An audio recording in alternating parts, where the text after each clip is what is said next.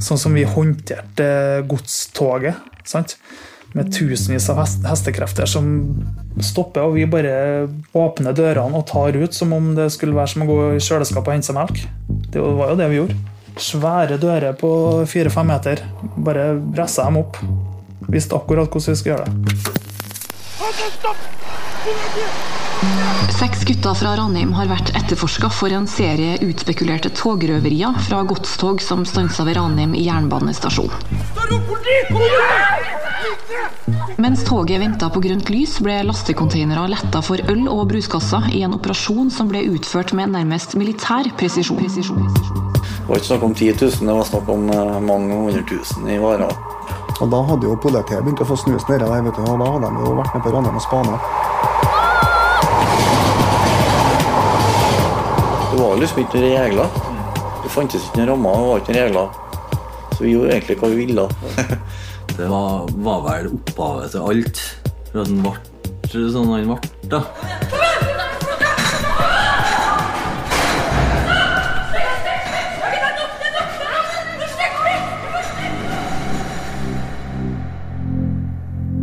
Hei, mitt navn er Martin Walter.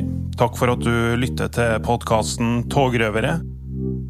I løpet av de kommende seks episodene så skal jeg ta deg med tilbake til den plassen der jeg vokste opp på 90-tallet, Ranheim.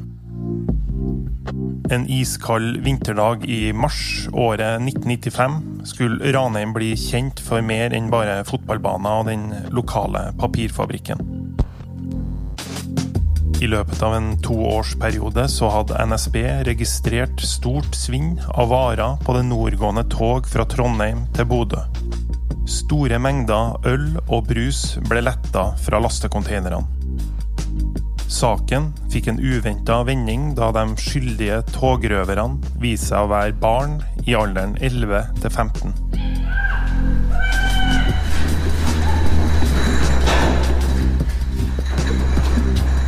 utrolig at han fant på det. ja, det er helt utrolig, altså. Ja, det ble jo førstesidestoff i Trønderavisa sånn, den gangen. Og utført med militær presisjon, tror jeg stod og var bilde av toglinja bortigjennom. Da Adresseavisa omtalte saken dagen etter, så skjønte i hvert fall vi som bodde på Ranheim, hvem som måtte stå bak. Det dreide seg selvfølgelig om Ranheimsgjengen. Altså, skal du begynne å rippe opp i vår oppvekst, så har du Da har du prosjekt. Altså. Ja, Rart å tenke tilbake på hva han har holdt på med i så ung alder. Altså. Du skulle ikke ha trodd det, altså. Jeg husker Ranheimsgjengen veldig godt fra oppveksten.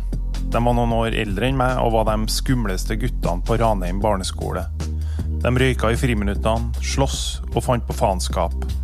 Vi fikk jo skylda for alt som skjedde nede på Ranheim, da. Eller iallfall jeg gjør det. Det her er stemmen til Thomas. Og sånn som jeg husker Thomas fra barneskolen, så var han den versten av dem alle til å finne på faenskap. Hvis det hadde vært et innbrudd i et hus, så var det meg. Så jeg bestandig politiet hjem til mamma. Det her er historien om togrøverne som herja vilt i nabolaget mitt på 90-tallet.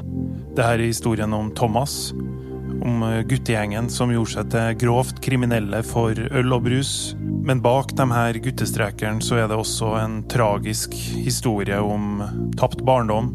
Om guttene som foreldrene svikta, som barnevernet svikta, og som samfunnet svikta. Hvorfor sendte ikke de meg vekk på noen barnehjem? Hvorfor torde ikke de det? Alle andre i familien ble sendt bort utenom meg. Jeg som var verst, torde ikke de å sende bort. For barnevern og politi og skole, vet du, de skal skal ikke gi opp et barn. De skal hjelpe et barn, de skal ikke gi opp. Ranheim er en liten forstad til Trondheim lengst øst i byen. Stedet ligger idyllisk til ved sjøen, med skog og mark ikke langt fra bebyggelsen der. Det var en fantastisk plass å vokse opp på for meg. Likevel var det noe som skurra på 90-tallet. Togrøveri og grov omsorgssvikt. Hvordan kunne dette skje rett foran nesa på foreldre, naboer, lærere, fotballtrenere? Og hvordan går det egentlig med togrøverne fra Ranheim i dag? Hvordan var Ranheim på starten av 90-tallet? Nei, det, Det er vel egentlig det vanskeligste spørs- spørsmålet jeg kan få. Det her er Oliver. Oliver var, sammen med Thomas, en del av den harde kjernen av Ranheimsgjengen. Han er to år yngre enn Thomas, og de har vært bestevenner hele livet. Hvordan Ranheim var, det er en ting, men eh, hvordan vi hadde eller hvordan vi var på Ranheim, det, det blir jo noe annet. Det aller første intervjuet jeg gjorde til denne podkasten, gjorde jeg tilbake i 2013. Da traff jeg Oliver igjen, for første gang siden barneskolen. Jeg spilte jo fotball da noen år, og alle andre drev med fotball. Så det var liksom fotball, da. Så hvis du ikke uh, var noe særlig, eller uh, hvis du ikke likte det, så måtte du liksom være med likevel. Men det var ikke noe greier for meg, det. sant? Slutta med det. Så vi, vi gikk ikke på fotball, vi. Det ble noe litt spesielt for oss, da, for andre de fikk liksom ikke lov til å være til oss, da. Så da ble det jo ikke sånn at vi havna på andre aktiviteter og ting heller, sant. Så det var enten så var det fotball, eller så var det liksom ikke noe annet på Ranheim også. Og, og. Og i og med at eh, sånn ja, alle kompisene mine, det var ingen av dem som hadde noen ressurssterke foreldre heller, som tok noe ansvar og hadde med oss ungene på noen ting, sant? så da måtte vi nå bare stå på sjøl. Så, så det er nå vel det annet Ja, det er vel det normalt at folk, eller unger, gjør andre ting, eh, sant? men for oss så var det i hvert fall ikke sånn. Jeg har bestandig vært en litt sånn pøbelunge, jeg, da. Det her er Thomas, en av togrøverne det ikke har gått så bra med. Men det kommer vi tilbake til senere. La oss bare si innledningsvis at Thomas han har levd et ganske hardt liv. Begynte jo tidlig i alder i barnehagen, faktisk.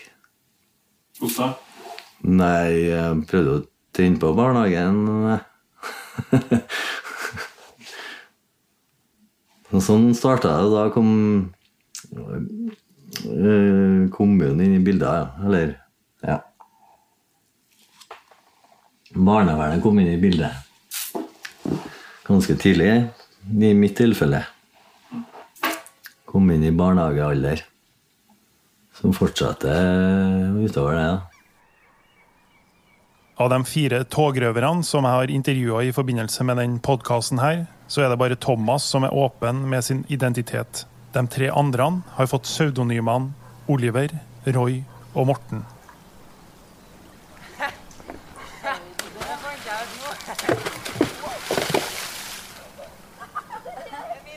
Men det er en veldig fin plass å vokse opp på Ranheim.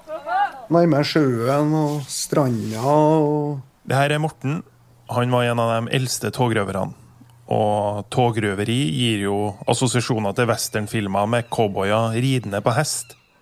Morten hadde bytta ut hesten med en blodtrimma lettmotorsykkel, og han gikk alltid i en brun Malboro-frakk.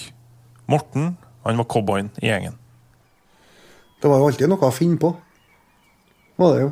Hive seg på sykkelen og dra bad, eller sykle til byen, eller eh, til en kompis. Så eh, Han var lite inn, ja. Det, det var han.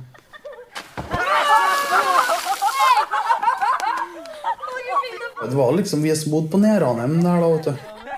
Så det var, vi var, vi var med i en sånn gruppe, på en måte. Var vi.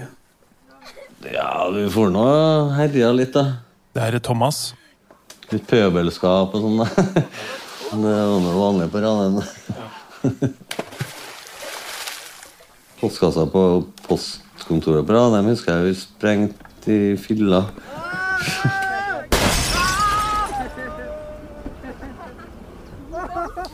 var ingen, folk de fikk jo helst ikke lov til å være til oss. Og det her er Oliver.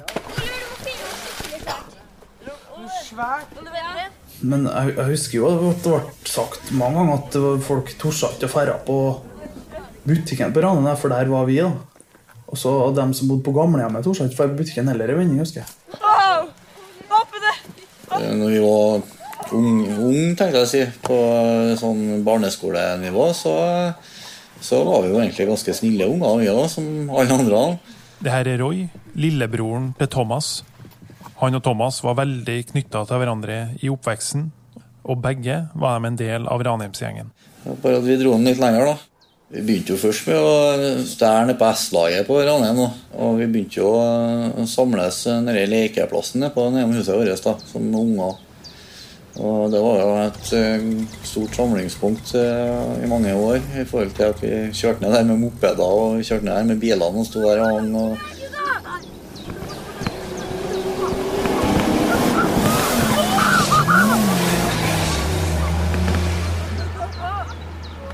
Motor og bil har vært Roy sin store lidenskap hele livet. Og den interessen fikk han veldig tidlig. Så jeg hadde jo eh, første bilen min når jeg var 14. Og kjørte og kosa meg på Ranheim og herja vilt. Og første mopeden min hadde jeg vel da jeg var 8-9, tror jeg. Så eh, Hvordan klarte du å skaffe deg det? Nei, nå har jo en mor som var litt sånn dumsnill, så vi kjøpte egentlig det vi spurte om. Eh, hele, hele det store starta med når jeg fikk bil, da, det var det at eh, vi hadde en båt med 70 hester motor. Og så kunne morsan fortelle at eh, den måtte ha selge, for vi skulle ikke kjøre oss i hjel ute på fjorden. Eh, for hun kjente jo sønnene sine.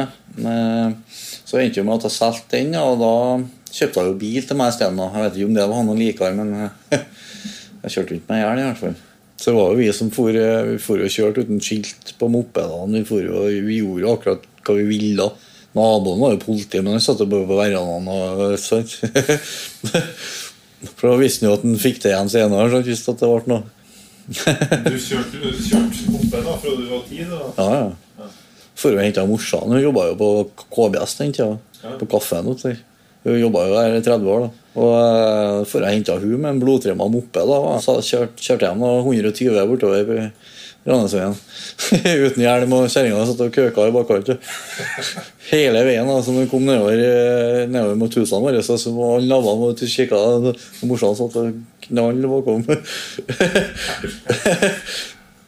For å kjøre rundt herja for noe på Ranheim og Spøl. Kjørte fra Ranheim til Brassberg, brukte vi å gjøre. Uten førerkort eller skilt eller noe. Førstemann til Brassberg kirke. Full gass. Broren til Roy, som vi akkurat hørte, Thomas, beskriver seg sjøl som et veldig utagerende barn som ofte kom i klammeri med lærere og medelever. Nei, jeg var en eh, Hva skal jeg si Hissig, pøblete og i faen-type, faktisk. Tenkte ikke på noen konsekvenser og sånne ting. Jeg bare kjørte på og trodde det skulle være sånn. Men jeg var veldig, var veldig utagerende, jeg òg, da jeg var liten. Det er av litt oppvekstvilkårene, tenker jeg. At det ble sånn jeg ble. Brødrene Thomas og Roy hang veldig mye sammen i oppveksten. Sjøl om det var noen år mellom dem, så var begge to en del av Ranheimsgjengen. Men som brødre flest oppsto det ofte gnisninger dem imellom.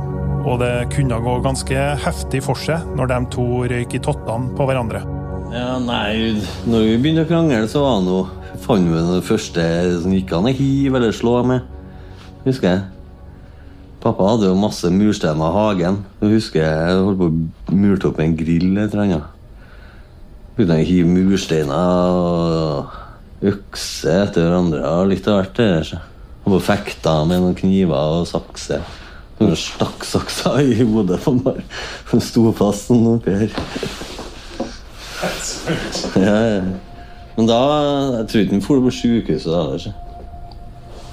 Det hjalp ikke med husarrest heller, liksom. Da hoppa han bare ut ruta. Faren deres var fra Tyskland. vet du. Han var, var vi jo livredd for. Pappa var veldig streng. sånn, Var ikke vi inn til åtte, så låste han døra. Måtte ligge til naboen og sånn.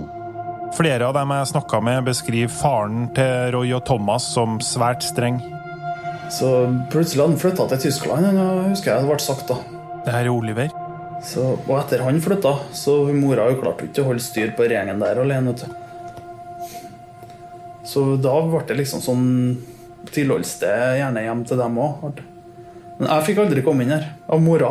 Alle fikk komme inn til dem. Men jeg fikk aldri komme inn her. Nei, hun skjønte jo at jeg drev og lurte med dem på mye forskjellig. Ja, så det, jeg måtte klatre opp eh, takrenna og gå inn i vinduet. Hver gang.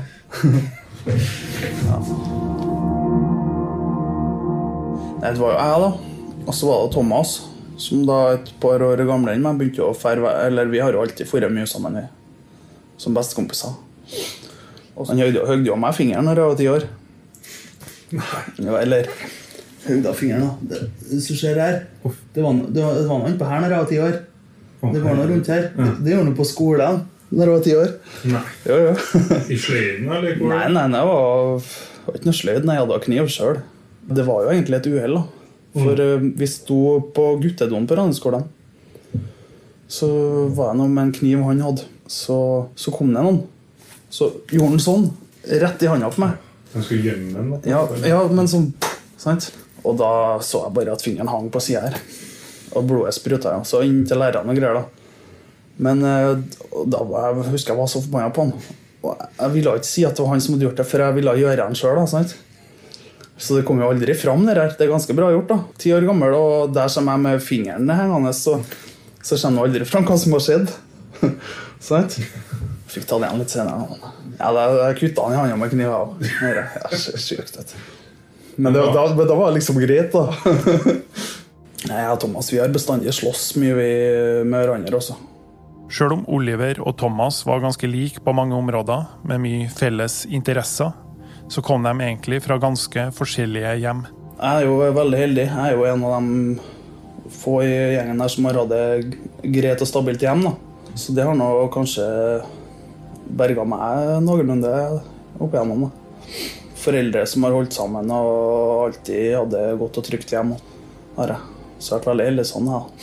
Men, mens de andre har ikke hatt det så greit hjem, da, kan jeg si. Jeg husker jo når jeg var mindre og gikk på barneskolen. Så de var jo bestandig med hjem til meg. Det var der vi var. da. Og jeg tenkte jo ikke så mye på det da, men jeg har jo tenkt litt på i ettertid. Så da, om vinteren og sånn, så var jo døra låst til dem etter skolen. De hadde jo ikke en plass å ferde dem. sant? Så jeg husker mora mi sa det for noen år siden. Og ja, holdt på å tulle at den guttegjengen med banditter hjem til oss hele tida, men kunne ikke gjøre noe annet. De hadde jo ikke en plass å ferde. Klissvåte unger. sant?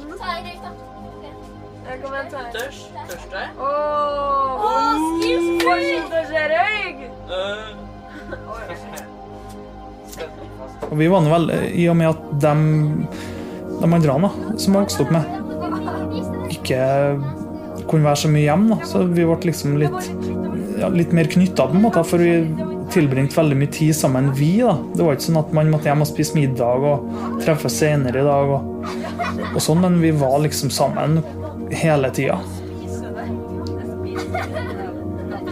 Som jeg, i forhold til andre kan jeg se for meg. Og jeg vet jo I en klasse eller i et fotballag eller i et idrettslag sant, så vil det jo være Man vil jo være et lag, men så vil det jo samtidig være flere inndelinger i det laget eller den klassen. Mens vi var liksom en sånn egen greie utenfor, syns jeg egentlig. Nei, jeg vil øh, beskrive det som et ekte vennskap. Der man øh, sto for det man sa, og, og hvis man var med på noe, så var det ikke å lure seg unna og peke på de andre, men da sto man i samme driten.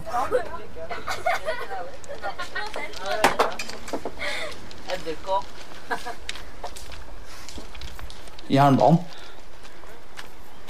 Den lå jo midt oppi alt det her, sant?